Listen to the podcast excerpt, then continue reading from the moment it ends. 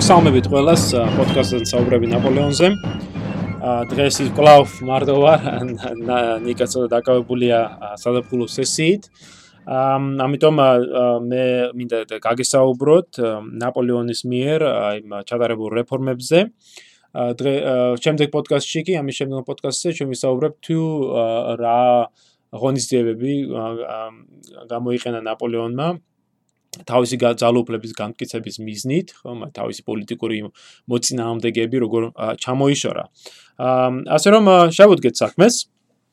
დიდმა გერმანელმა პოეტმა იოჰან ვოლფგანგ გოეთემ ერთხელ აღნიშნა, რომ ნაპოლეონისათვის ძალაუფლება იგივე იყო, რაც მუსიკალური ინსტრუმენტი დიდი მუსიკოსთვისო. ნაპოლეონმა ქვეყნის სათავეში მოსვლისთანავე აამოქმედა ეს ინსტრუმენტი. ევროპის სხვა სახელმწიფო მეთაურებისგან განსხვავებით, ნაპოლეონი მემკვიდრეობით მართველი არ იყო. თუ მათთვის ამ სხვა მონარქებისთვის ძველი მემკვიდრეობით მართლობა მეწილად ამ შვიდ და უზრუნველ ცხოვრებას ნიშნავდა ბონაპარტისათვის უზარმაზარი ქვეყნის საჭეთ პრობლემად გახდომა მხოლოდ ახალ ცვლილებების მუშაობას და კონფლიქტებს მოასწავებდა.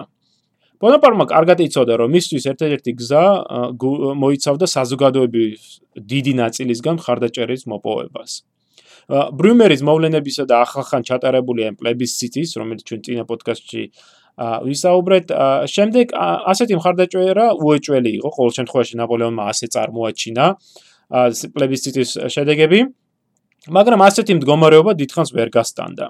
თუ ბონაპარტის ხელისუფლება დაუყოვნებლივ არ გამოიღებდა რაიმე დადებით შედეგს საზოგადოების ყოფის რომელიმე სფეროში და მოსახლეობას დიდხანს ნანატრ წესრიგს და სტაბილურობას არ მეუტანდა, სავსებით შესაძლებელია რომ ეს ხელისუფლება დამხობილიყო. პრემიერის შემდეგ ნაპოლეონის ერთ-ერთი პირველი გადაწყვეტილება იყო მინისტრთა კაბინეტის ჩამოყალიბება. ახალ კაბინეტში მოხდნენ შემდეგი პირები. საგარეო საქმეთა მინისტრად დაინიშნა შარლ მორის ტალერან ტეპერიგორი, რომელიც ამ თანამდებობაზე ჯერ კიდევ დირექტორის დროს იყო და ახლა როგორც კიდევ მრავალჯერ შემდგომში კლავ მოახერხა ამ მინისტრის პორტფელის შენარჩუნება. ჩვენ ტალერანს დაუთმობთ ცალკე პოდკასტს. სამხედრო მინისტრი გახდა ალექსანდრე ბერტიე სამხედრო მინისტრი მეტად მნიშვნელოვანი ძალას წარმოადგენდა რის გამოც ნაპოლეონმა იგი თავის ერთგულ თანამებრძოლს ხო ბერტიეს გადასცა თუმცა ცოტა ხანში ბერტიეს ნაცვლად ამ ამ სამინისტრო სათავეში ჩაუდგა ლაზარ კარნო რომელმაც შეძლო ამ სწორედ ამ ავსტრიის ავსტრიის საწინააღმდეგოდ ახალი ომის ომისათვის სამზადისის დასრულება და შემდეგ უკვე 1800 წლის მიწურულს კლავ ბერტიე დაბრუნდება ამ თანამდებობაზე. ფინანსთა მინისტრად დაინიშნა მარტენ მიშელ შარლ გოდენი, რომელიც დიდი ხანია მუშაობდა ხაზინაში და საფინანსო საკითხების დიდ მწოდნის რეპუტაცია გააჩნდა. და სწორედ ეხლა სხვა შორის ადრე რევოლუციურმა ხელისუფლებამ შესთავაზე კიდევაც ეს ეს თანამდებობა, მაგრამ ის უარზე იყო, მაგრამ ნაპოლეონმა დაარწმუნა, რომ ქვეყანა მართლა კატასტროფის წინაშე იყო და საჭირო იყო გოდენის ნაირი ნიჭიერი პიროვნება, რომ ჩასდგომოდა ფინანსებს სათავეში. სხვადასხვის ნაპოლეონი იმდენად დიდად აფასებდა გოდენის ნიჭს და ეს მართლაც მეტად ნიჭიერი პიროვნება იყო, რომ მომდევნო 15 წლის განმავლობაში, ანუ კონსულატის და იპერიის არსებობის განმავლობაში გოდენი სწორედ დარჩება ამ თანამდებობაზე. ამ ყველაზე ეს ალბათ ერთ-ერთი ექსტრავაგანტული და საინტერესო იყო ნაპოლეონის გადაწყვეტილება დაინიშნა სინაგან საქმეთა მინისტრად თავისი დიდი ხნის ნაცნობი სახელგანთმული მეცნიერი, ასტრონომი, მათემატიკოსი და ფიზიკოსი პიერ სიმონ ლაპლასი. ამ ცხადია ნაპოლეონი დიდად აფასებდა და პატივსცემდა ამ მეცნიერს, რომელთანაც დიდი ხნის მეგობრობა აკავშირებდა, რომელიც ჯერ კიდევ პარიზის სამხედრო სკოლაში ჩაისახა, როდესაც ნაპოლეონი რეგიტი კურსანტი იყო, ხოლო ლაპლასი მისი მასწავლებელი. ამასთან ეს მნიშვნელოვანი გადაწყვეტილება იყო, იმიტომ რომ ნიშნავდა რა მეცნიერს, ასეც მნიშვნელოვან უწყების უпросად ნაპოლეონი ხას უსვამდა თავის ღრმა პატივისცემას მეცნიერთა ინსტიტუტისადმი, მაგრამ სამწუხაროდ მალე გამოიკვეთა, რომ ლაპლასი რამდენადაც ნიჭიერი და კარგი მეცნიერი იყო, იმდენად უვარგისი მინისტრი აღმოჩნდა. მითუმეტეს 1800 წლის გაზაფხულზე, როდესაც ნაპოლეონს სჭირდებოდა აი ბლებლისის ჩატარება, საჭირო იყო უფრო ეფექტური და სანდო პიროვნების ყოლა ამ თანამდებობაზე და ამიტომ ლაპლასი 1800 1800 წლის წელს უკვე შეიცვალა ნაპოლეონის ძმით ლუსიენი, ჩვენ უკვე ვისაუბრეთ თუ რამ ხელა როლი ითამაშა ლუსიენმა პლებისციტის გაყალბებაში და შემდეგ ლუსიენის 1801 წლის იანვარში ლუსიენი შეიცვალა ასე ერთ მეტად ნიჭიერი პიროვნებით ჟან ანტუან შაპტალით. სახელმწიფო მდივნად დაინიშნა ჰიუ ბერნარ მარე, საკმაოდ ცნობილი და ნიჭიერი სახელმწიფო მოღვაწე, დიპლომატი, რომელიც თავის კოლეგებში დიდი შრომის ნარიოვნებით გამოირჩეოდა. პოლიციის ministri იყო ფუშე, ასევე მეტად კოლორიტული პიროვნება, ამასაც ჩვენ ვისაუბრეთ ცალკე პოდკასტსა მინდა რომ დაუთმო ამ პიროვნებას. საზღვაო ministra დაინიშნა მარკ ანტუან ბურდონ დე ვატრი, რომელიც ასე წარჩინებული ძველი ძველ თავადაზნაურის ოჯახიდან იყო და იუსტიციის ministrat ჟაკ რეჟი კამბასტერესი, სახელმწიფო განთქმული სახელმწიფო მოღვაწე, ერთ-ერთი საუკეთესო ფრანგი იურისტი, რომელიც გამოირჩეოდა სამართლის ზედმიწევნით წოდნით. ასე რომ ეს ჩამოყალიბდა ეს ეს მინისტრთა კაბინეტი, აქ აღსანიშნავია ის ფაქტი, რომ პირველმა კონსულმა ახალ მთავრობაში ერთმანეთის საპირისპირო საპირისპირო შეხედულების წარმომავლობის ადამიანებს შეუყარა თავი. რაც ბუნებრივია, საკმაოდ დიდ გაკვირვებას გამოიწვია თავის დროზეც. იმის მაგერად რომ თქვა ახალ კაბინეტში ერთი აზრისა და სულისკვეთების ადამიანები მოიყარა ადამიანებისათვის მოიყარა თავი ნაპოლეონმა სწორედ აი განსხვავებული წარსულის და შეხედულების პირების შეყარა ერთად. ამაში სწორედ აი გამოვლინდა ეს ნაპოლეონის მიდგომა რომ სამფრანგეთისათვის ასეთ გადამწყვეტ მომენტისათვის მას ჭირდებოდა არა ერთი აზრის მქონე პირები, არამედ ნიჭიერი პიროვნებები, სწორედ ისეთ პიროვნებები, რომელიც შეძლებენ პრობლემების გადაჭრას. და სწორედ ამიტომ მოხდა ამ ახალ კაბინეტში წარსულში სახელგანთქმული ტერორისტი ჯოზეფ ფუშე და ძველი საგორეულოს თავმავალი ბურდონდევიტრი, რომ არაფერი ვთქვა, ტალერანზე. შემდგომში კვლევარები იტყვიან კიდევაც, რომ საფრანგეთის მთელი ისტორიის განმავლობაში იშვიათად თუ ნახავთ მსგავს კომპეტენტურ მინისტრთა კაბინეტს, რომლის ყოველი წევრი თავის სფეროს ნამდვილი სპეციალისტი, ექსპერტი იყო. ტალერანი განუმეორებელი ნიჩის, ვირტუოზი დიპლომატი და გამჭრიახე პოლიტიკოსი, ფუშე, სამძებრო საქმის უბადლო ოსტატი, კარნო სტრატეგიისა და სამხედრო საქმის შესანიშნავი მწოდნე, გოდენი, ცნობილი ფინანსისტი და ეკონომიკის მართლაც ექსპერტი, მარე ადმინისტრაციული საქმის წინვალე მწოდნე. ახალი კაბინეტის ჩამოყალიბებისას პირველი კონსულის ახალი პოლიტიკაც გამოიკვეთა. ბონაპარტმა საბოლოოდ გადაწყვიტა, რომ ბოლო უნდა მიიღებოდა ფრანკთა შორის დამღუპელ ურთიერთდაპირისპირებას, უნდა სამუდამოდ მოსპობილიყო უამრავ პარტიებს შორის არსებული შუღლი და კიშპობა. სწორედ ამიტომ ხელისუფლებაში მოსვლისთანავე ნაპოლეონმა ერთიანობისა და პატრიოტიზმის სიმებს შეეხო. მისი ახალი კურსი იყო არა პარტიულობის ნიშნით დაქსაქსული ქვეყნისაკენ, არამედ სრულიად ახალი საფრანგეთის ერთიანი დროშის ქვეშ გაერთიანებული სახელმწიფოსაკენ.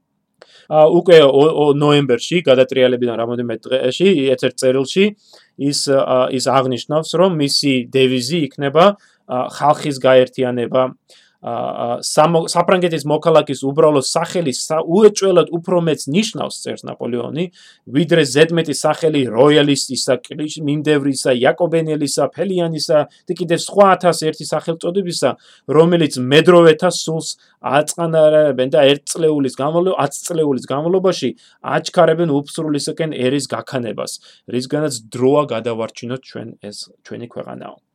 პარტიულ დაპირისპირებას პატრიოტებად, არისტოკრატებად, იაკობინელებად, როიალისტებად დაყოფას ნაპოლეონმა სრულიად საფრანგეთის გაერთიანებული დროშა დაუპირისპირა. საფრანგეთი, ფრანგული ალამი, ფრანგები, აი ეს ზოგადი ზეპარტიული სიტყვებია, რომელთაც ირგვლივ ნაპოლეონი ერის გაერთიანებას ცდილობდა. და მისმა ძალისხმევამ გაამართლა კიდევაც. საფრანგეთი დაღლილი იყო ყველა ამ პოლიტიკური პარტიებიდან და ქიშპობით, დაქსაქსულობით. საფრანგეთს ჭირდებოდა დასვენება. არც წითელი ჩაჩნები, არც წითელი ქუსლები.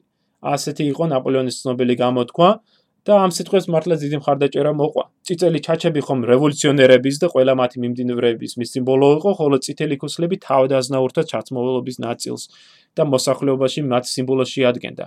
ანუ ნაპოლეონი უარს აცხადებდა ორივეზე. არც გვინდა წითელი ჩაჩები, ანუ რევოლუციური რადიკალიზმი და არც წითელი ქუსლები, ანუ როელიზმი. მათ სანაცვლოდ წინს წინს წევდა ფრანგების, საფრანგეთის, ფრანგული მეობის და ერთიანობის სიმბოლოს. პირველი კონსულის მოწოდება ისჩვიათი ერთსულოვნებით აიტაცეს ქვეყანაში. წესრიგსა და სიმშვიდეს მონატრებული ხალხი დაეთანხმა და მხარში ამოუდგა მას. თუ აქტიურად არა, ყოველ შემთხვევაში პასიურად მაინც. იმის დრო არ შეეწინააღმდეგა აქტიურად სწორედ ამ ნაპოლეონის პოლიტიკას. ფრანგებო მიმართა ნაპოლეონმა მოსახლეობა 1799 წლის 15 დეკემბერს. იხილეთ ახალი კონსტიტუცია, რომელიც მე წარმოგიდგენ თქვენ. ამ კონსტიტუციით ბოლო მოიღო ყოველივე გაურკვევლობას რესპუბლიკის საშინაო და სამხედრო საკითხებში. კონსტიტუცია ემყარება წარმომადგენლობით ხელისუფლებას ხელისუფლების ჭეშმარიტ პრინციპებს და საკუთრების, თანასწორობის და თავისუფლების წმინდა უფლებებს. ამრიგად რევოლუცია დასრულდა. ეს განცხადება აღსანიშნავია რამდენიმე გარემოებით. თუ შეამჩნიეთ წმინდა უფლებების ჩამონათვალში, ნაპოლეონმა პირველ ადგილზე დასვა საკუთრების უფლებები. ეს შემთხვევები არ იყო, ვინაიდან საკუთრების უფლების წინა პლანზე წამოწევით, ნაპოლეონი ცდილობდა საშუალო ფენის, ბაჭრების, დამსაქმლების, ყოფილი საეკლესიო და თავდაცვის საკუთრების ახალი მფლობლების, აი ამ სწორედ ამ საშუალო ფენის გულის მოგებას. ნაპოლეონს ჯეროდა რა საფრანგეთის სიძლიერე სწორედ ამ საშუალო ფენაში იყო და რომ სასიცოცხლოდ მნიშვნელოვანი იყო მათი ინტერესების გამყარება და დაცვა. სწორედ ამიტომ ნაპოლეონმა მოითხოვა რომ ახალ კონსტიტუციაში შეტანილი იქნეს სპეციალური მუხლი 94 მუხლი რომელიც კატეგორიულად აცხადებდა რომ სამეფო, საეკლესიო და არისტოკრატების ყოფილი მიწები და კერძო საკუთრება რომელიც მათ რევოლუციის დროს ჩამოერთვა და გაიყიდა აღარასოდეს დაუბრუნდება ყოველ მესაკუთრეებს ეს ძალიან მნიშვნელოვანი ნაბიჯი იყო მინდორიდან ამით ნაპოლეონი აკავშირებდა საშუალო ფენის წარმომადგენლებს წარმომადგენლებს რომლებიც ამ ბიზნესების და საკუთრების, ამ მიწების და საკუთრების უდიდესი ნაწილი შეიძინეს საკუთარი რეჟიმის კეთილდღეობას. ამ კონსტიტუციით, ამ განცხადებით ნაპოლეონი მიანიშნებდა საშუალო ფენას, რომ სანამ ის ნაპოლეონის იქნება ძალაუფლებაში, მათ და მათ ქონებას, მათ საკუთრებას არავითარი საფრთხე არ ემუქრებოდა. არც მემარჯვენეებისაგან, მონარქია, ეკლესია თუ არისტოკრატია და არც მემარცხენეებისაგან, დაბალი ფენის ხალხი, რომლებიც სწორედ აი იაკობინელთა ტერორს უჭერდა მხარს. სწორედ ამიტომ, როდესაც ნაპოლეონი ზემოთხსენებულ განცხადებაში ახსენებდა თანასწორობას, ის გულისხმობდა თანასწორობას კანონის წინაშე, რაც თავისთავად მნიშვნელოვანი მონოპოლარი იყო, მაგრამ ის არ გულისხმობდა ეკონომიკურ თანასწორობას. ძინა პოდკასტში აღნიშნეთ, რომ ახალი ახალმა კონსტიტუციამ საფუძველი ჩაუხარა ამ ახალ ხელისუფლებას, რომელიც პირველი კონსული ირგვლივ იქნა შექმნილი. კონსულს თან ახდა მეორე და მესამე კონსულები, თუმცა მათი ძალაუფლება სიმბოლური იყო. საკანონმდებლო ხელისუფლებაში შეიქმნა ახალი სამი ახალი ორგანო, ხო, ვისაუბრეთ ჩვენ ტრიბუნატზე, საკანონმდებლო კორპუსზე, სენატზე, მაგრამ მათი ძალაუფლება მეტად განსაზღვრული და შეკვეცილი იყო. ამრიგად ყველაფერი აი ზალოფლების ხრი ყველაფერი კონცენტრირებული იყო სწორედ პირველი კონსულის ირგვლივ. ახალმა ხელისუფლებამ დაუყოვნებლივ დაიწყო მნიშვნელოვანი რეფორმების და ცვლილებების განხორციელება. მომდევნო 4 წელი, 1800 წლიდან 1804 წლის მიწურულამდე ცნობილია როგორც ნაპოლეონის კონსულობის პერიოდი. და შეიძლება თამამად თქვათ, რომ ეს პერიოდი ერთ-ერთი ყველაზე საინტერესო და ნაყოფიერი პერიოდია ევროპის უახლოეს ისტორიაში. სწორედ ამ პერიოდში ჩატარდა ბევრი ისეთი რეფორმა, რომლებაც თანამედროვე საფრანგეთის შექმნას შეუწყო ხელი. არა და საფრანგეთი ბევრი სერიოზული პრობლემის წინაშე იდგა.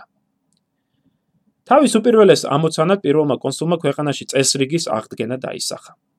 რევოლუციური ქაოსის, ომის პირობებში არ არის გასაკვირი, რომ საფრანგეთში დიდი არეულობა სუფევდა. ქვეყნის არაერთ მხარეში არაერთი მხარე ყაჩაღებით იყო სავსე. წარჩავდნენ ყველას. გლეხებს, მოხელეებს, საფოსტოს სამგზავრო ეტლებს, თავსესხმოდენ სოფლებს და ზოგიერთ იშვიათ შემთხვევაში მთელ ქალაქებსაც კი. კაცის ყლა, ძევლად აყვანა, ფულის და ძირფასეულობების გამოძალვა, ეს ყველაფერი თითქმის ყოველდღიურ მოვლენად იქცა. ყაჩაღებს შორის იყვნენ როგორც როიალისტები, მეამბოხეები, ეს განსაკუთრებით საფრანგეთის დასავლეთ და სამხრეთ მხარეებში შეიმჩნევა, ასევე ჯარიდან გაქცეულები, დეზერტირები, შარაგზის ყაჩაღები, ქურდები და ათასი სხვა გზის კრიმინალი. სამართალ დამცავი ორგანოებს ან საკმარისი რესურსები არ გააჩნდათ, ან თვით დამნაშავეობასთან იყო შეკრული დაკავშირებული და მათგან უფრო მეტ სარგებელს პოულობდა ვიდრე სახელმწიფო სამსახურიდან. წესრიგის აღსადგენად ნაპოლეონის ბრძანებით რამდენიმე მნიშვნელოვანი რეფორმა ჩატარდა. პირველ რიგში ჟანდარმერია, რომელიც დირექტორიამ ჯერ კიდევ 98 წლის აპრილში ჩამოაყალიბა, ჟანდარმერია ნაპოლეონის ბრძანებით თითქმის ორჯერ გაიზარდა და 17000 ადამიანს მოიგულისხმობდა. რაც უკიდე უფრო მნიშვნელოვანია, თვით ჟანდარმერიაში ჩატარდა წმენდა. და კორუმპირებული წევრები განდევნილი იქნა. ამის შემდეგ თითოეულ ჟანდარს საგზნობლად გაეზარდა ხელფასი და ნაპოლეონის ბრძანებით თითოეულ დეპარტამენტში მნიშვნელოვან დეპარტამენტის მნიშვნელოვან ქალაქებში ჟანდარტთა შეარაღებული ქვედანაყოფები გაიგზავნა. რომელთაც დაევალა შეუბრალებლად გაინადგურებინათ ყოველი შეერაღებული დაჯგუფება. თუ ანდრე ჟანდარმებს ევალებოდათ ქუჩებში და გზებზე ფეხით პატრულირება, ნაპოლეონმა მათ ცხენები დაურიგა. რიცა პატრულთა სიხშირე და ეფექტურობა გაიზარდა. ჩამოყალიბდა სპეციალური ტრიბუნალები და სამხედრო კომისიები, რომელთაც დაკავებული პირების გასამართლება და სიკვდილი დასჯა დაევალათ. დაკავებულ პირებს ჩამოერთვათ ადვოკატის უფლება და ხშირად ისინი გასამართლებულები იყვნენ მეტად მწირი სამხილის საფუძველზე. შეგვიძლია ვთქვა, რომ ზოგიერთი მათგანი მართლაც უდანაშაულოც იყო. უფრო მეტიც რეგიონებში პატრულირებისას ჟანდარმებს უფლება ჰქონდათ ადგილზევე დაეხრიტათ დაკავებული პირები. საფრანგეთში არსებული ვითარების უკვე წარმოსადგენად ახსენ უნდა აღნიშნოთ რომ 1800 წლის მიწურულისათვის საფრანგეთის 40%-ზე მეტ ტერიტორიაზე საგანგებო სამხედრო მდგომარეობა გამოცხადდა და კრიმინალების მიმართ უსასტიკესი ღონისძიებები ჩატარდა. რის შედეგად 2 წლის თავზე თელს ქვეყანაში მართლაც რომ წესრიგი აღსდგა.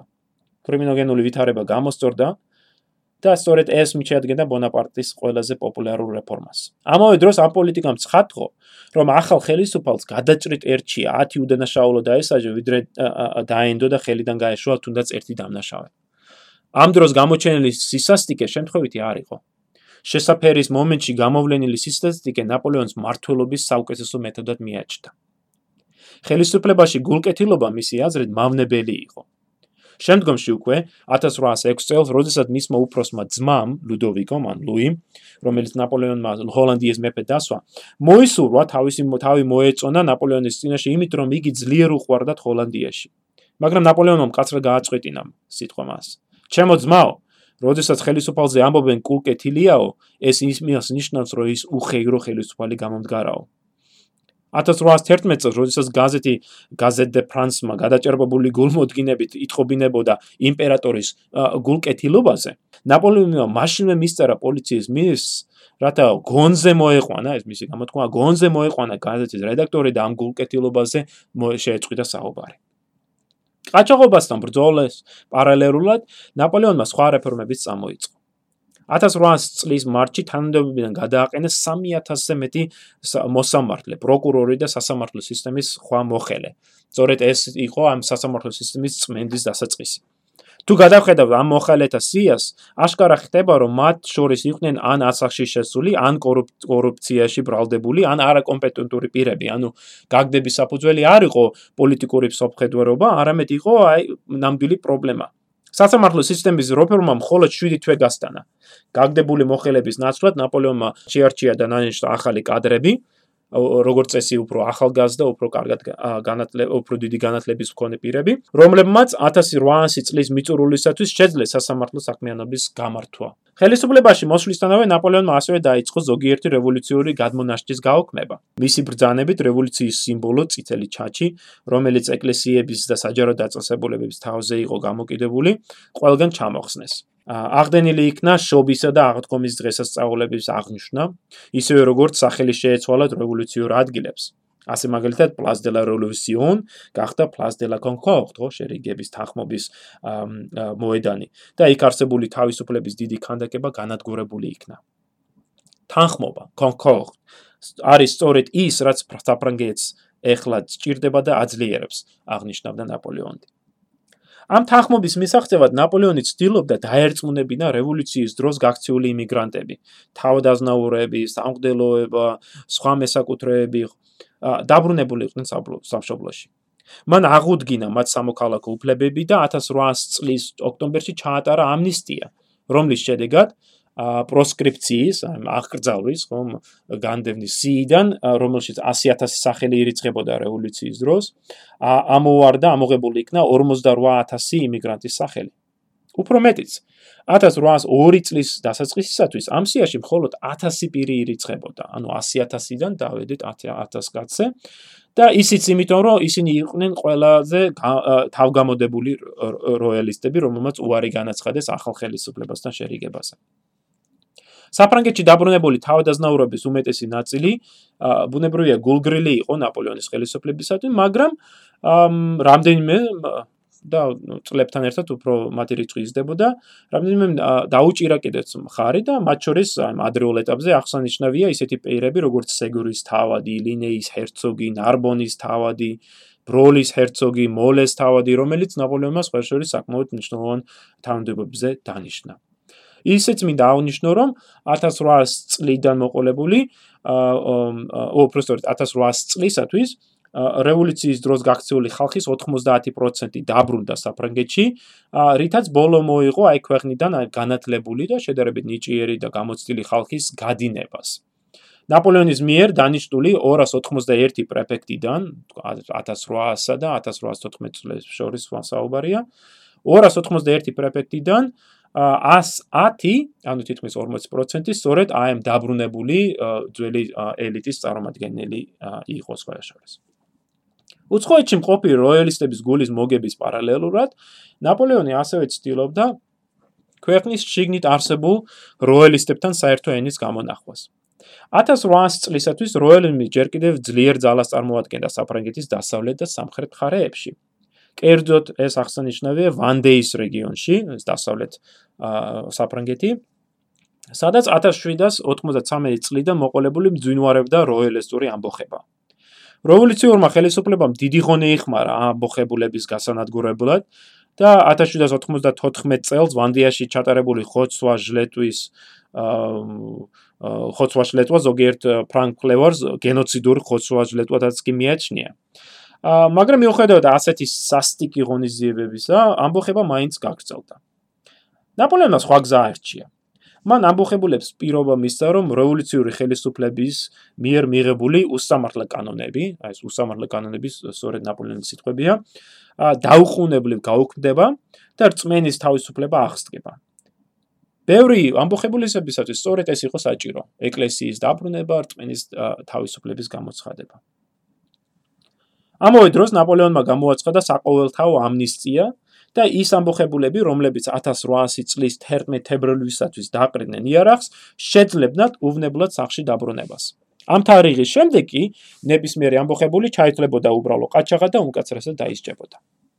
ამბოხებულთა დიდი ნაწილი მოხარული იყო ამ შემოთავაზებებით, ამ წინადადებებით და დათანხმდნენ მათ. თუმცა მცირე ნაწილმა, მათ შორის იყო ჯგუფები, რომელთა სათავეში ედგა თავადი ლუი დე ფროტი, ჟორჟ კადუდალი, თავადი ლუი დე ბურმონი, მათ განაგრძეს ბრძოლა.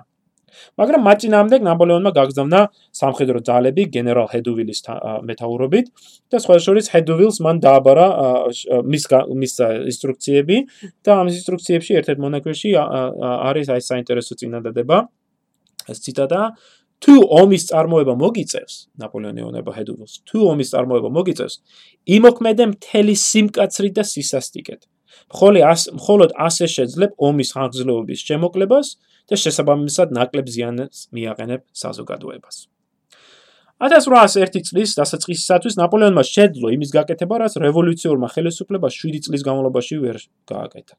ვანდეის ამბოხება ჩაქრა. ამბოხებულთა დიდი ნაწილი დაბრუნდა სახში, ხოლო ისინი, ვინც ბრძოლა აირჩია და ან საზოგადოებრივ გაიქცა, ან დაიღუპა. ასე მაგალითად, ფროტის დავადი ტყვეთ ჩავარდა და სიკვდილი დაისაჯა. ბურმონი ჯერ უცხოეთში წავიდა, მაგრამ შემდეგ არჩია ნაპოლეონთან შერიგება. თუმცა სიმართლე რო ვთქვა, ნაპოლეონმა რომ მას აპატია და ამნისტია ხო შემოაყოლა, მეტად დიდი შეცდომა იყო, იმიტომ რომ 1815 წელს ბურმონმა უღოლა და მონაპოლეონს და მთელი სამხედრო გეგმები მოიპარა და მოკავშირეების ხარეზე გადავიდა და მათ გადასცა. ჟორჟ კადუდალი, ხო, ეს ერთი ყველაზე ცნობილი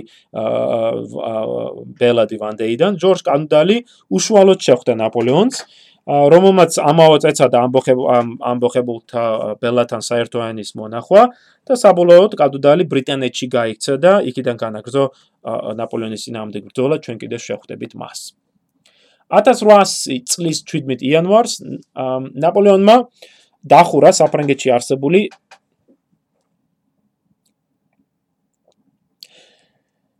1800 წლის 17 იანვარს ნაპოლეონმა დახურა საფრანგეთში არსებული 77 გაზეთიდან 60.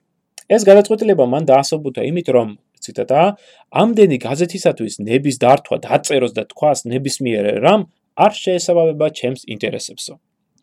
საინტერესოა, რომ ნაპოლეონის გადაწყვეტილება არ იყო განხილული საკანონმდებლო ორგანოებში. ნაპოლეონი ამას იმით ასაბუთებდა, რომ ომიანობის შამს საფრანგეთი ხომ ჯერ კიდევ მეორე კოალიციას ებრძოდა. სწორედ ასეთ ომიანობის ჟამს ზოგიერთი ჟურნალ-გაზეთი რესპუბლიკის მტრების ინსტრუმენტებად იქცნენო და ქვეყნის შიგნით დემორალიზაციას და ცრუ პროპაგანდას ეწევიანო. ამიერიდან საფრანგეთში დაშვებული იქნება მხოლოდ 13 ჟურნალ-გაზეთის გამოცემა და მათი საქმიანობა შემოიფარგლება მეცნიერებით, ხელოვნებით, ლიტერატურით, ვაჭრობის საკითხებით თუ ზოგადად რეკლამებით. ნაპოლეონის განგარკულებაში საგანგებოდ იყო აღნიშნული, რომ ნებისმიერი გაზეთი, რომელიც გამოსცემს არსებულ საზოგადოებრივი წყობისადმი, ხელისუფლებისადმი და ჯარისადმი უდიერ სტატიებს, ზუსტად ესე უწერია უდიერ სტატიებს, დაუყოვნებლივ იქნება დახურული. ნაპოლეონმა ასევე დასცენ განკარგულება შეეზღუდათ უცხო გაზეთების ყიდვა საფრანგეთის შიგნით. ჟურნალ გაზეთების აქტუალურზე საუბრისას უნდა აღნიშნო, რომ ზოგიერთი მათგანი მართლაც იმსახურებდა დახურვას, ვინაიდან ისინი აი ყვითელი პრესის ყვითელ პრესას წარმოადგენდნენ და მათ ძირითად სპეციალიზაციას ჭორების და გადაუმოწმებელი ტყუილი ინფორმაციის გამოცემაში მდგომარეობდა. მაგალითისთვის ერთ-ერთი გაზეთი ირწმუნებოდა, რომ ნაპოლეონს სექსუალური ურთიერთობა ჰქონდა საკუთარ დებთან. აბსურდია, ხო ეს? მაგრამ ასეთი ჟურნალ-გაზეთების გარდა სამხრეთში არსებობდა მართლაც მნიშვნელოვანი გამოცემები, რომელიც დიდ როლს ასრულებდნენ საზოგადოებრივი აზრის შექმნაში, ხო, და ასე შემდეგ. და ნაპოლეონის განკარგურებამ ძიმე დარტყმა მიაყენა ქვეყანაში სიტყვის თავისუფლებას. ამიერიდან ყველა ჟურნალ-გაზეთი სახელმწიფო ზედამხედველობის ქვეშ იქნება და ჟურნალისტები სწორედ ხელისუფლებისადმი ქებადიდების შესწმით იქნებიან დაკავებულები. ა დარჩენილი 13 გაზეთიდან ყველაზე მნიშვნელოვანი უდაოდ Le Moniteur Universel იყო, რომელიც ფაქტობრივად სახელმწიფო პროპაგანდის ორგანოდ იქცა და სხვა შორის ნაპოლეონის კი ზოგჯერ აქვეყნებდა სტატიებს მასში. ფსევდონიმით, მაგრამ მაინც. ნაპოლეონის შემდგომი რეფორმა ადგილობრივ თვითმართველობას ეხებოდა. ნაპოლეონმა შექმნა ახალი დეპარტამენტები და 1801 წლისათვის 83 საწყისი დეპარტამენტის ნაცვლად საფრანგეთი უკვე 100-ზე მეტ დეპარტამენტს მოიცავდა, რომლებიც თავის მხრივ დაიყვნენ რამდენიმე ოლქად, ანუ აღონდისმონებად. 1800 წლის თებერვალში პირველი კონსულის წინადადებით საკანონმდებლო ორგანოებმა ასევე მხარი დაუჭირეს ახალ კანონს, რომელმაც ადმინისტრაციული ადმინისტრაციული რეფორმა ჩაატარა საფრანგეთის ყველა დეპარტამენტში. ამიერიდან თითოეულ დეპარტამენტს სათავეში ჩაუდგა პრეფექტი, რომელსაც ნიშნავდა შინაგან საქმეთა მინისტრი, რაც პრაქტიკაში გულისხმობდა პირველ კონსულს. ანუ იმიტომ რომ პირველი კონსული ირჩევდა და ნიშნავდა შინაგან საქმეთა მინისტრს. ამ რეფორმის შედეგად ბოლო მოიღო რევოლუციის ერთ-ერთ მნიშვნელოვან შენაძენს არჩევით ადგილობრივ მართლობას. 1790 წლიდან მოყოლებული რევოლუციის მიერ შექმნილ ადგილობრივ ადგილობრივ ხელისუფლებაში ჩართული იყო ყოველი 29 ფრანგი. ანუ ეს შეგვიძლია ეს რიცხობრივადაც განსაზღვროთ. ფრანგების ხო ათასობით, ასობით, ათასი ფრანგი მონაწილეობას ღებულობდა არჩევნებში და ათასობით ფრანგი სწორედ მსახურობდა ამ ადგილობრივ თვითმმართველობაში. მაგრამ 1800 წელს ყოველივე ამას ბოლო მოიღო და არჩევითი სისტემის ნაცვლად დაარსდა სისტემა, რომელიც დაექვემდებარა ერთ პიროვნებას. პირველ კონსულს. სწორედ პირველი კონსული არჩევდა ministers, რომელიც ნიშნავდა prefects, სწორედ პირველი კონსული ნიშნავდა subprefects და სწორედ პირველი კონსული ირჩევდა მერებს. ამრიგად, თითოეულ დეპარტამენტში მთელი ადმინისტრაციული რესურსი დაექვემდებარა რა პირველი კონსულის მიერ დანიშნულ პრეფექტს. რის შედეგად ხდება სწორედ ძალაუფლებების ეს ადმინისტრაციული ძალაუფლების კონსოლიდაცია და ცენტრალიზაცია. მართალია ადგილობრივი საბჭოები, რომელიც ჯერ კიდევ რევოლუციის დროს შეიქმნა, შენარჩუნდა და და მათი არჩევის წესიც არჩევის წესიც შენარჩუნდა. მაგრამ ამ საბჭოებმა დაკარგეს თავისი აზრი მას შემდეგ, რაც ნაპოლეონმა ისინი საკონსულტაციო ორგანოებად აქცია და ნებადართოს შეხვედრილი იყვნენ წელიწადში მხოლოდ 2 კვირის განმავლობაში.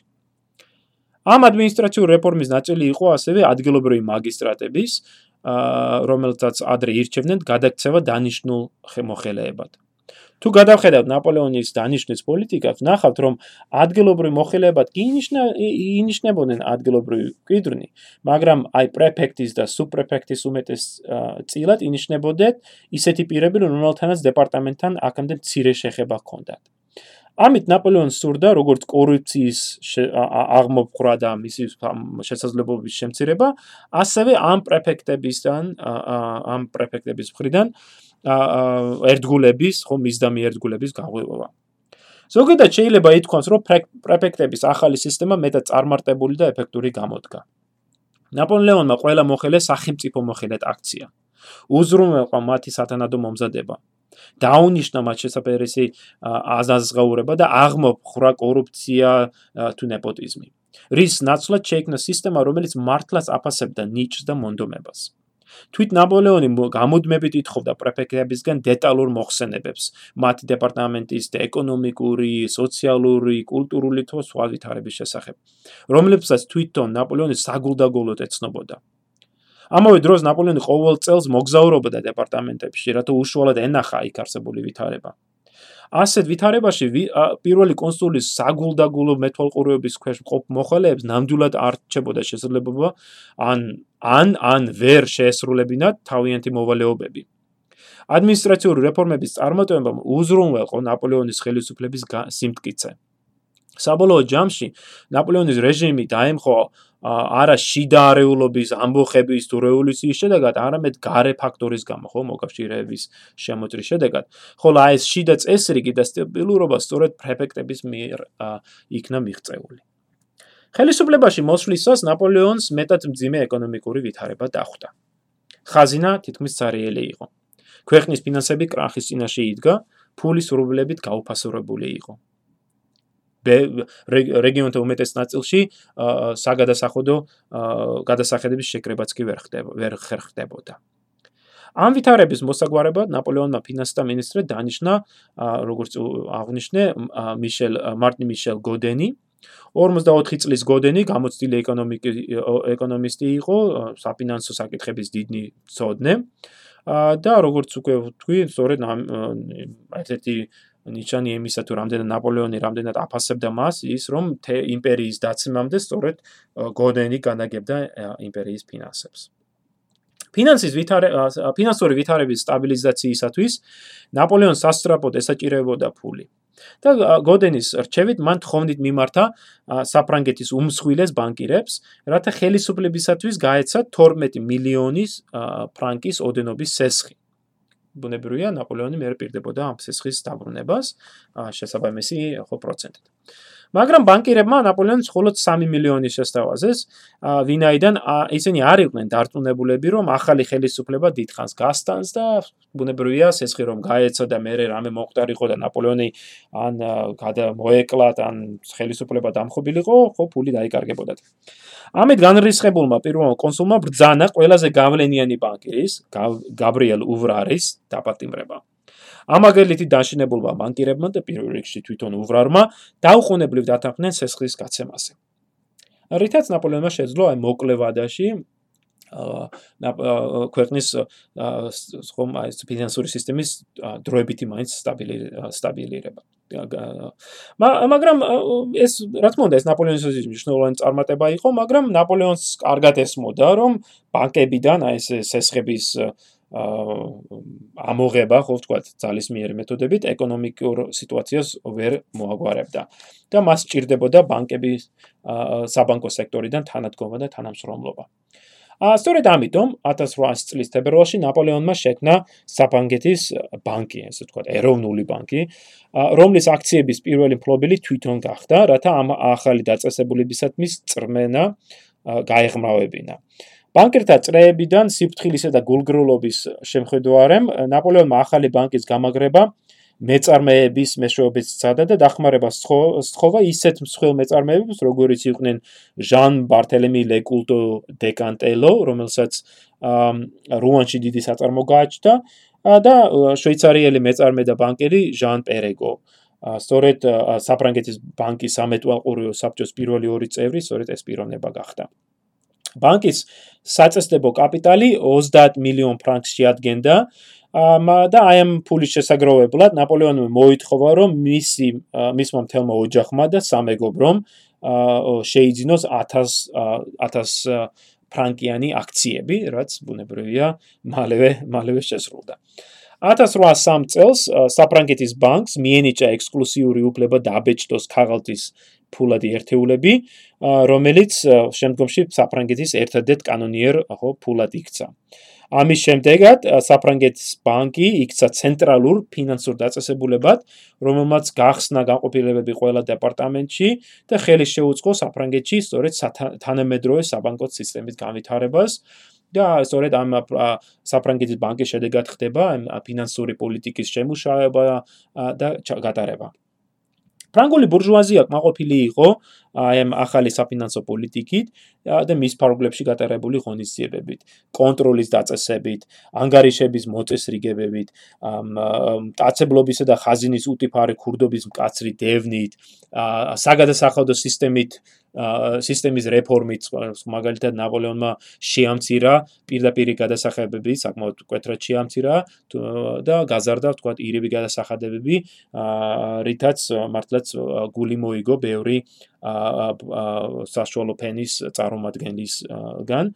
ახალი ხელისუფლება ასევე დაერია სპეკულანტებს თუ ეს საფინანსო სხვა სხვა სქემების შემქმნელებს, რომლებმაც დირექტორის პერიოდში უკანონო მაკინაციებით უზარმაზარი ქონება შეიძინეს როგორც ბირჟაზე, ასევე სახელმწიფოსგან ნაცნობების თუ მეგობრობის თუ უბრალოდ ჩაწყობის და მოქრთამით შეიძინეს მოიპოვეს თქვა კონტრაქტები.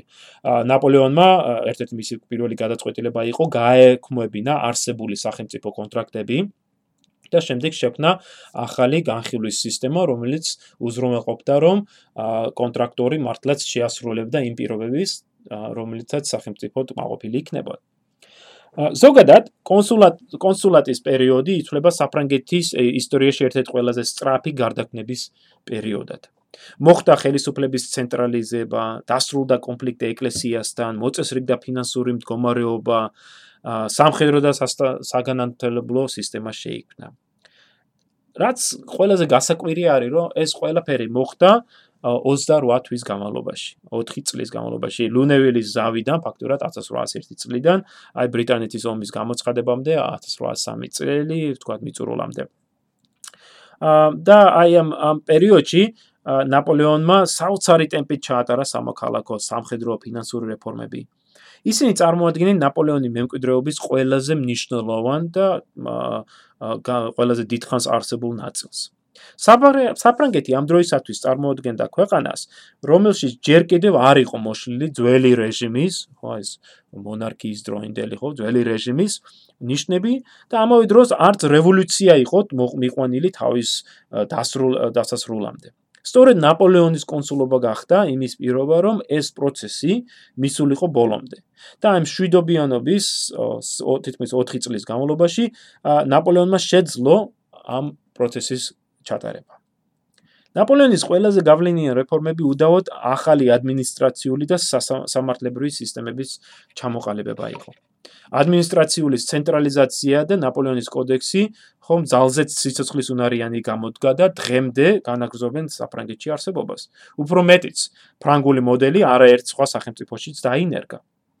ასევე მნიშვნელოვანი იყო ნაპოლეონის მიერ პაპა პიუსთან, ხო, რომის პაპთან, პიუსთან მოლაპარაკებების დაწყება და კონკორდატის დადება.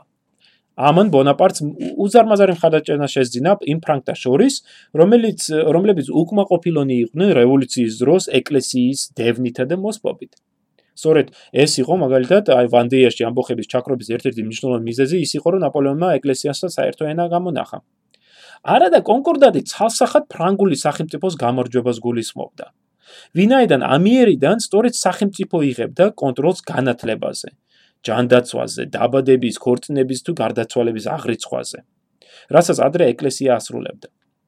ასევე დამყარდა რელიგიური თავისუფლება, დამკვიდრა სამოქალაქო ქორწინება და განქორწინება, რომელსაც ეკლესია ადრე ეწინააღმდეგებოდა. საერთო ჯამში ნაპოლეონის რეჟიმმა ეკლესიას შეუმციერა მატერიალური ბაზისი, ჩამოართვა სოციალური ფუნქციები და უზარმაზარი ნაბიჯი გადადგა ევროპული საზოგადოების სწორედ სეკულარიზაციისაკენ. კონკორდატის შედეგად ეკლესიამ უარი განაცხადა იმ საეკლესიო მიწებზე, რომლებიც რევოლუციის დროს დაკარგა. რითაც ნაპოლეონმა კიდევ უფრო განიმტკიცა საშუალო ფენის ხარდაჭერა. სწორედ იმ საშუალო ფენის, რომელიც აი საეკლესიო მიწები შეიძინა. ასევე მნიშვნელოვანი იყო ნაპოლეონის მიერ განათლების სისტემის ჩამოყალიბება, სწორედ აი 1801, 2, 3, 4 წლებში, რომელიც ნაწილობრივ კონკორდატიდან გამომდინარეობდა. როგორც აღნიშნე, ეკლესიას ჩამოერთვა კონტროლი განათლებაზე, რის შედეგად ნაპოლეონმა ჩამოაყალიბა ახალი ცენტრალიზებული საუნივერსიტეტო და საშუალო სკოლები, სასკოლო სისტემა. სხვა შორის ჩვენს Facebook-ის გვერდზე მე უკვე ავტვირთე ამ ეს ახალი საგანათლებლო სისტემის ამსახველი სქემა და მსვენელს ვურჩევ გაეცნოს მას მეტად საინტერესო არის. მით უმეტეს რომ ამ სისტემის ბევრი ნაწილი დღემდე ფუნქციონირებს საფრანგეთში. სამფრანგეთში არსებული უმუშევრობის გადასაჭრელად ნაპოლეონმა წამოიწყო არაერთი სამოქალაქო მშენებლობის პროექტი, რომლებმაც 1000-ობით, 10000-ობით ფრანგი დაასაკმა. მართალია მათი ხელფასი არ იყო მაღალი, მაგრამ არაფრობელს ნამდვილად ჯობდა ამ ხრივ აი ნაპოლეონის მიერ ჩატარებული ეს რეფორმა მსგავსია იმისა თუ რა გააკეთა თქვა რუზველტმა ამერიკაში ხომ 30-იან წლებში ან თუნდაც რა აი ნაცისტური გერმანიის ხელისუფლებას მიერ წამოწყებული დიდი სამოქალაქო ამშენებლობითი პროექტები თქვა 30-იან წლების გერმანიაში. ნაპოლეონს სწორედ შეძლო ამ სამოქალაქო პროექტების შედეგად განავითაროს საკ საკომუნიკაციო სისტემა, ააშენოს ახალი ათობით ახალი შენობა, ახალი არხი, თუ გზა ჩვენ ზოგიერთ ამ ადგანზე კიდე ვისაუბრებ შემდგომში. აა ისეთ აღსანიშნავია რომ ეს აღშენებლობითი საქმიანობა გამოყენებული იქნა ახალი რეჟიმის კებაიდიდებაისათვის, ვინაიდან თითქმის ყველა ძირითად ქალაქში აშენდა ძეგლები, რომელიც სწორედ ახალ რეჟიმს განადიდებდა. ნაპოლეონმა შექმნა პირველი პროფესიონალური სახანძრო ბრიგადები, დაარსა მეტყველების ეროვნული დეპარტამენტი, ბრძანა მთელ საფრანგეთში გზების გასწრიფ ხეებზე, დაერგოთ მარტო ამ ხეების დარგვით დასაქმდა ათასობით ადამიანი. ჩვენი აზრით, ნაპოლეონის ყველაზე მნიშვნელოვანი რეფორმა მაინც აი სამოქალაქო, როგორც ეხლა აღნიშნეთ, სამოქალაქო კოდექსის შექმნა იყო. სწორედ იმ კოდექსის, რომელიც დღემდე მის სახელს, ხო, ნაპოლეონის კოდექსის სახელს ატარებს. აქვე უნდა აღნიშნო, რომ ნაპოლეონს არც გამოუგონია და არც დაუწერია ეს კანონები, მას არც მათი კოდიფიკაციის პროცესი დაუწყია. 1800 წლისათვის რევოლუციურმა ხელისუფლებამ სამჯერ სამჯერ სწადა ამის გაკეთება 1793, 94, 96 წლებში. მაგრამ საშინაო თუ საგარეო პრობლემების გამო მან ვერ შეძლო ამის დასრულება.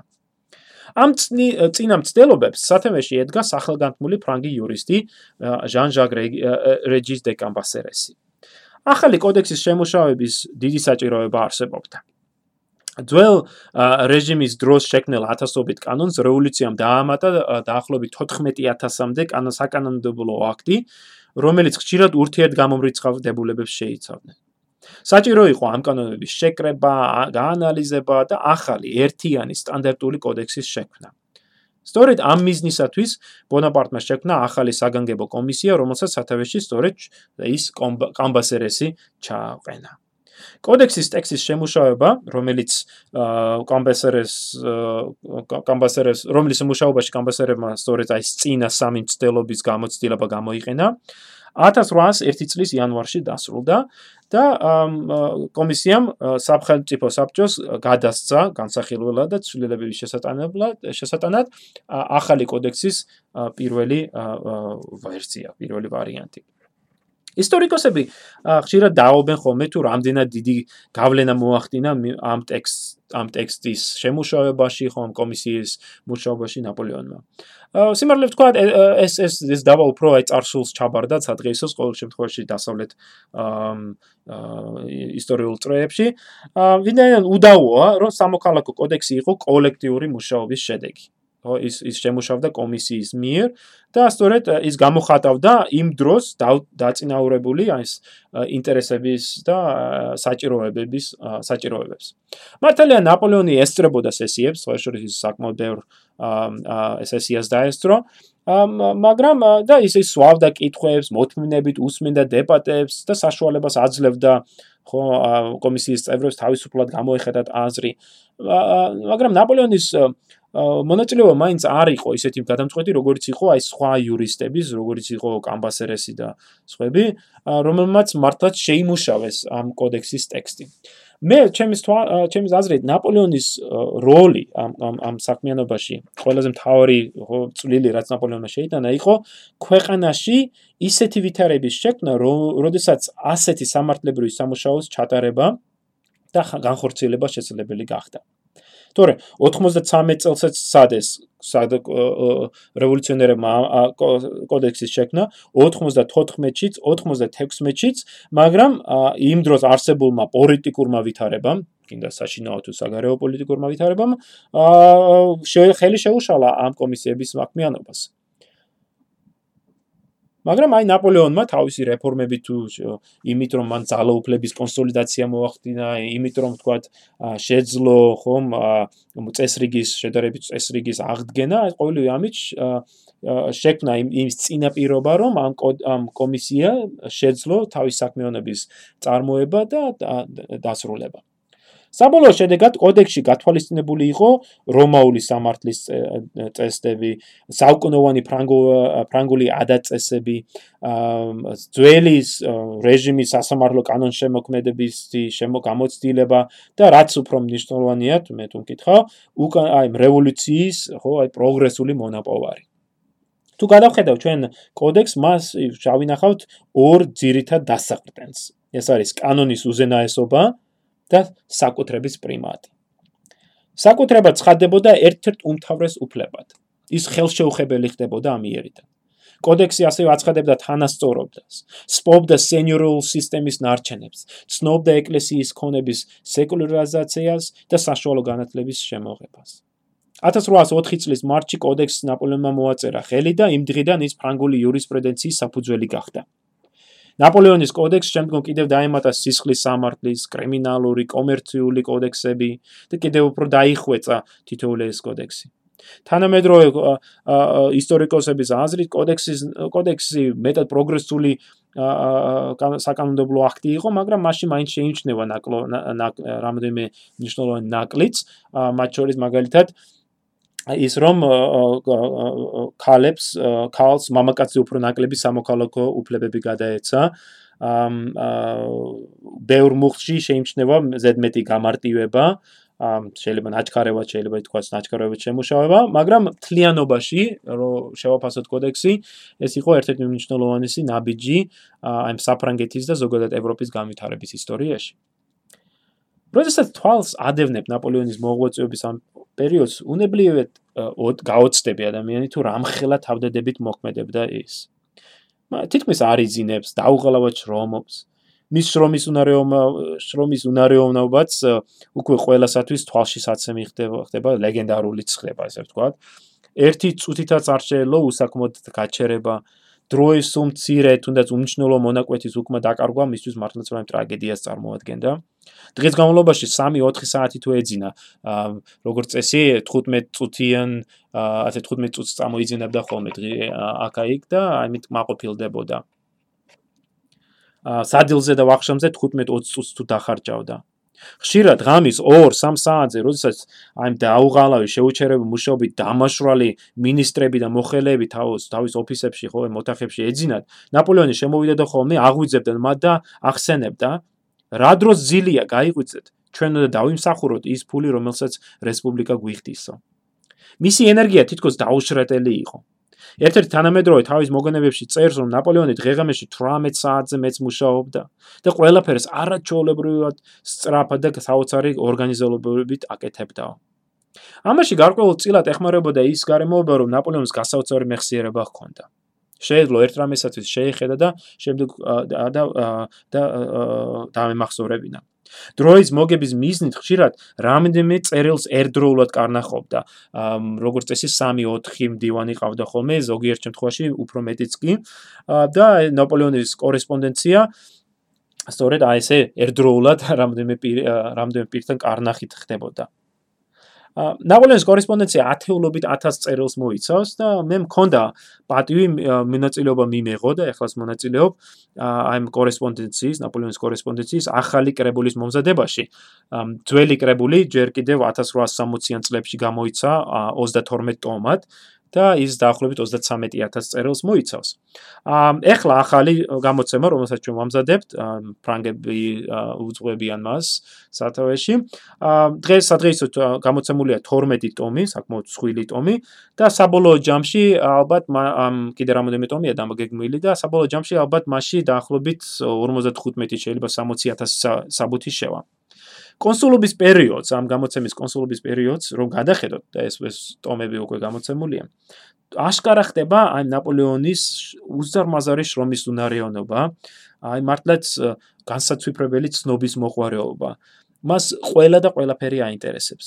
განუწყვეტლებს ითხოვს ინფორმაციას პრეფექტებისგან, სამხედრო მოხელეებისგან, თუ სამოქალაქო მოხელეებისგან და რაც თავარია, აი ამ ინფორმაციულ ნიაღვარში როგორღაც ახერხებს გაანალიზოს, დაამახსოვროს ეს ეს ყოველივე და შესაძფერესი განკარგულებები გასცეს.